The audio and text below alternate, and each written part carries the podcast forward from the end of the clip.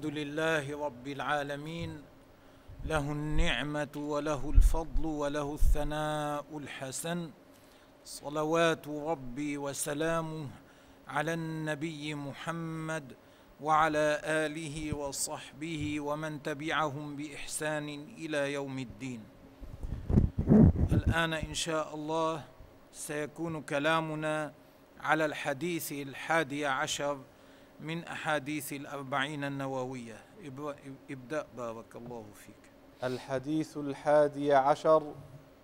عن أبي محمد الحسن بن علي بن أبي طالب سبط رسول الله صلى الله عليه وسلم وريح سبط سبط رسول الله صلى الله عليه وسلم.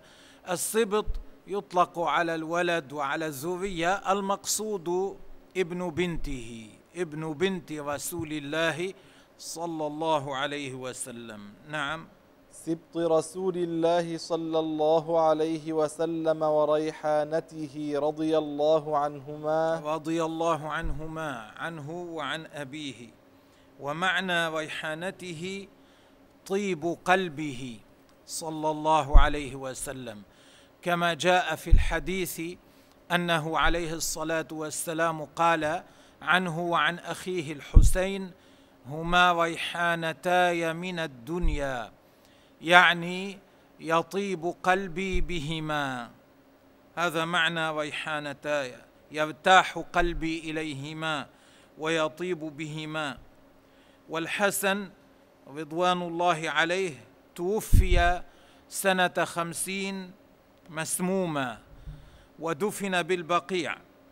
ومناقبه كثيرة جدا. حج خمس عشرة مرة ماشيا. ولم يكن حجه ماشيا عن قلة ذات اليد لا.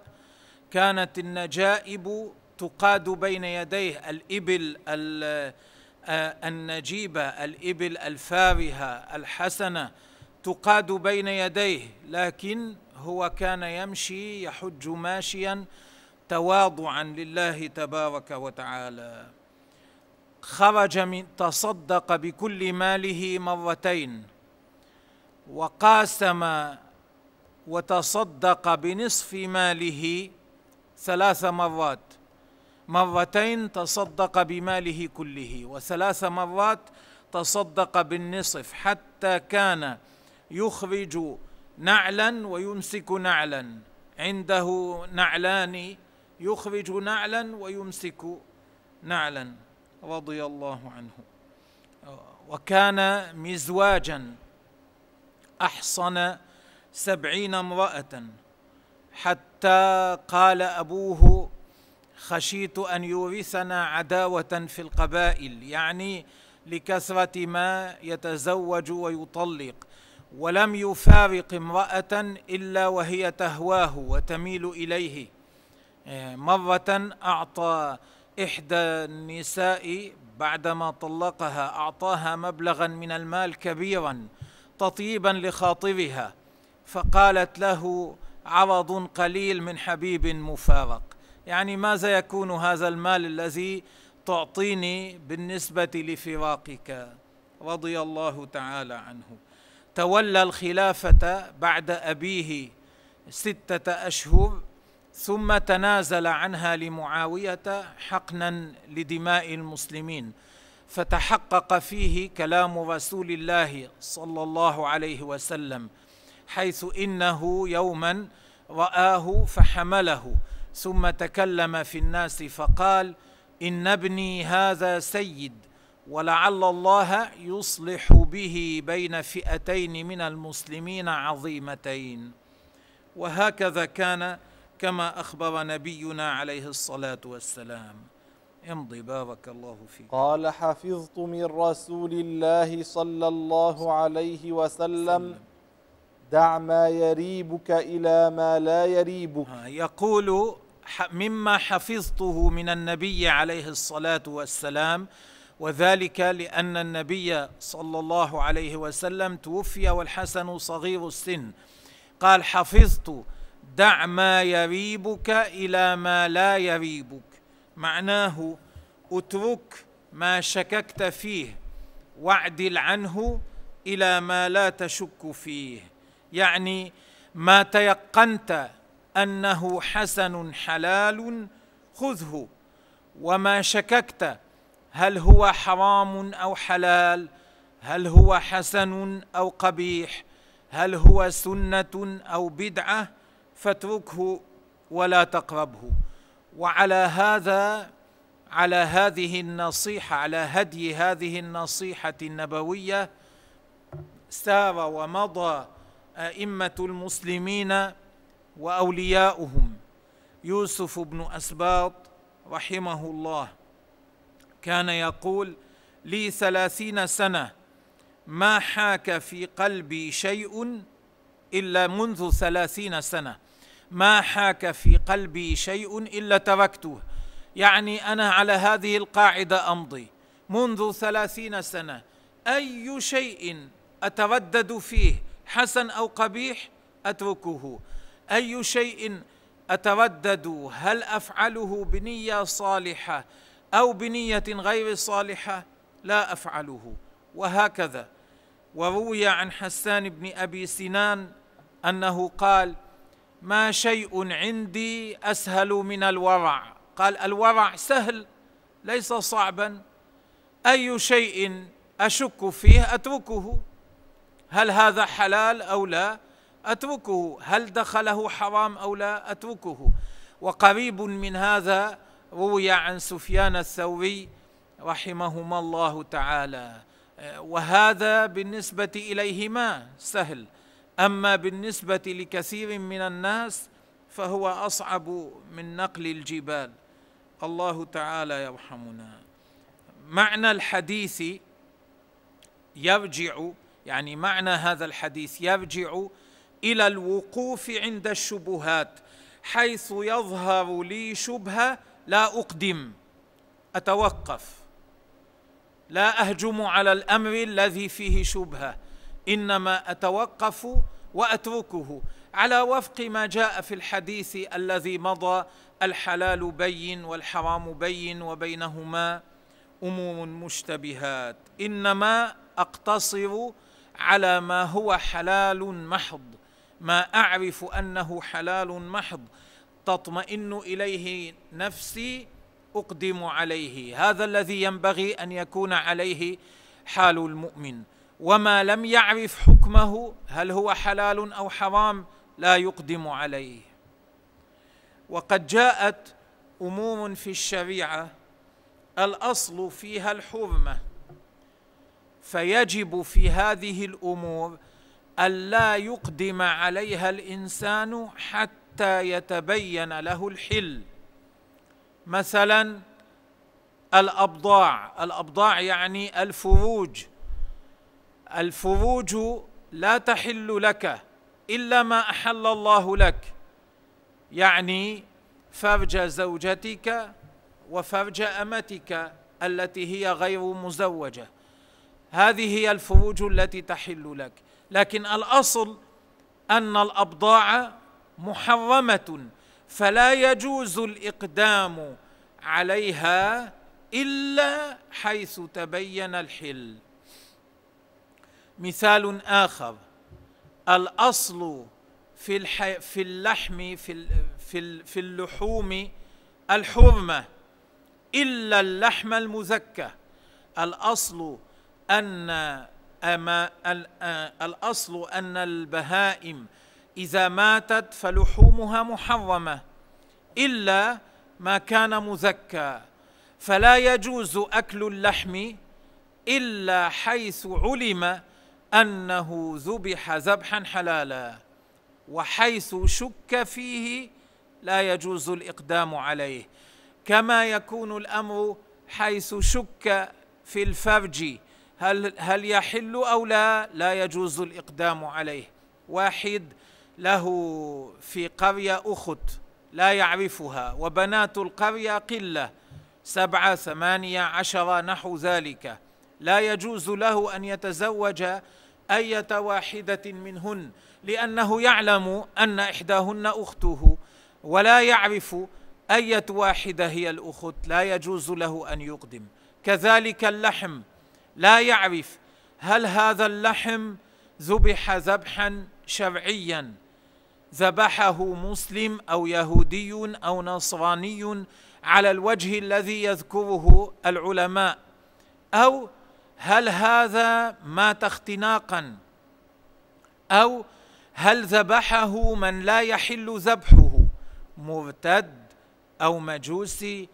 أو هل ذبح بالآلات التي تذبح اوتوماتيكيا ليس التي يحركها الإنسان عند الذبح عند كل ذبحه لا إنما اوتوماتيكيا تذبح البهائم.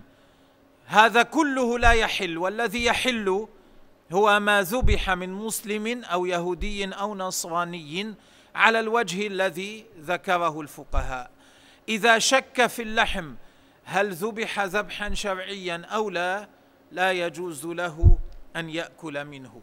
وما أكثر الناس الذين وما أكثر الناس الذين لا يلتفتون إلى هذا الأمر حيث وجدوا اللحم هجموا عليه. هؤلاء سيسألون في الآخرة. لا ينبغي أن يكون هكذا حال المسلم. إنما ينظر ويتبين هل هو مما يحل أو هو مما لا يحل. إن كان مما يحل أقدم عليه وإلا فلا. وكذلك الريبة والتردد يقع في العبادات. كيف هذا؟ مثلا بعض الأئمة يقول آه، الحجامة آه، تنقض الوضوء. وبعض الأئمة يقول الحجامة لا تنقض الوضوء. فإذا كان الإنسان متوضئا ثم احتجم خير له أن يجدد وضوءه. وهذا للخروج من الخلاف حتى يكون عمله موافقا لكل الأئمة. والخروج من الخلاف ما استطاع الإنسان حيث يستطيع الإنسان هذا شيء حسن بالإجماع لا خلاف فيه. وربما دقق وربما دقق في في الشبهات من ليس حاله حال أهل التقوى. أهل التقوى يدققون عادتهم الأولياء يدققون. كثير من الأمور المشتبهة يتركونها. الأمر لو كان يجوز يتركونه حتى يعودوا أنفسهم على البعد من الحرام. إذا كان الجائز يتركونه فالحرام يكونون أقوى على تركه. لكن أحيانا يدقق في بعض الأمور من يأتي المحرمات. ليس من أمثال هؤلاء. هو واقع في المحرمات وأحيانا يكون واقعا في الكبائر. ثم يقول لك مثلا من أين اشتريت هذا الطعام الذي تبيعني إياه؟ بأي مال اشتريت كذا مثل هذا لا يسكت له إنما يوبخ ويبين له أنه عليك اولا أن تنظر فيما تأتيه من المحرمات وما تتركه من الواجبات أن تغير هذا الحال فيك قبل أن تدقق في دقائق الورع. عبد الله بن عمر رضي الله عنهما جاءه رجل من أهل العراق. فسأله عن دم البعوض. إذا جاء على الإنسان قليل من دم البعوض يصلي وهو عليه أو لا يصلي. فقال عبد الله بن عمر انظر إلى هذا. قتلوا ابن رسول الله يريد الحسين بن علي رضي الله عنهما. قتلوا ابن رسول قتلوا ابن رسول الله صلى الله عليه وسلم أي ابن بنته. وهو يسأل عن دم البعوض. يعني ما هذا لا يتناسب. هذا لا يتناسب. وقع في تلك المعصية العظيمة ويسأل عن دم البعوض. نعم امضي. رواه الترمذي والنسائي وقال الترمذي حديث حسن صحيح. أما الترمذي فيسمى كذلك نسبة لمدينة قديمة على طرف نهر جيحون. نهر جيحون هو نهر بلخ. نهر عظيم معروف مشهور يمر في مدينة بلخ التي هي الآن في أفغانستان. على هذا النهر يوجد مدينة يقال لها ترميز. هذا الترمذي أبو عيسى محمد بن عيسى الحافظ الكبير. قيل له الترمذي نسبة إليها. توفي سنة تسع وسبعين ومائتين وأما النسائي فيسمى كذلك نسبة لمدينة نسا في خراسان. وهو أحمد بن شعيب أبو عبد الرحمن النسائي من أعلام العلماء الفقهاء الحفاظ. مات سنة ثلاث وثلاثمائة وكان موته أنه قيل له في دمشق قيل له خرجت مناقب علي ولم تخرج مناقب معاوية.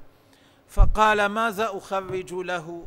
يعني ما عنده شيء يصح عن النبي عليه الصلاة والسلام من المناقب. ماذا أخرج له؟ لا أشبع الله بطنه.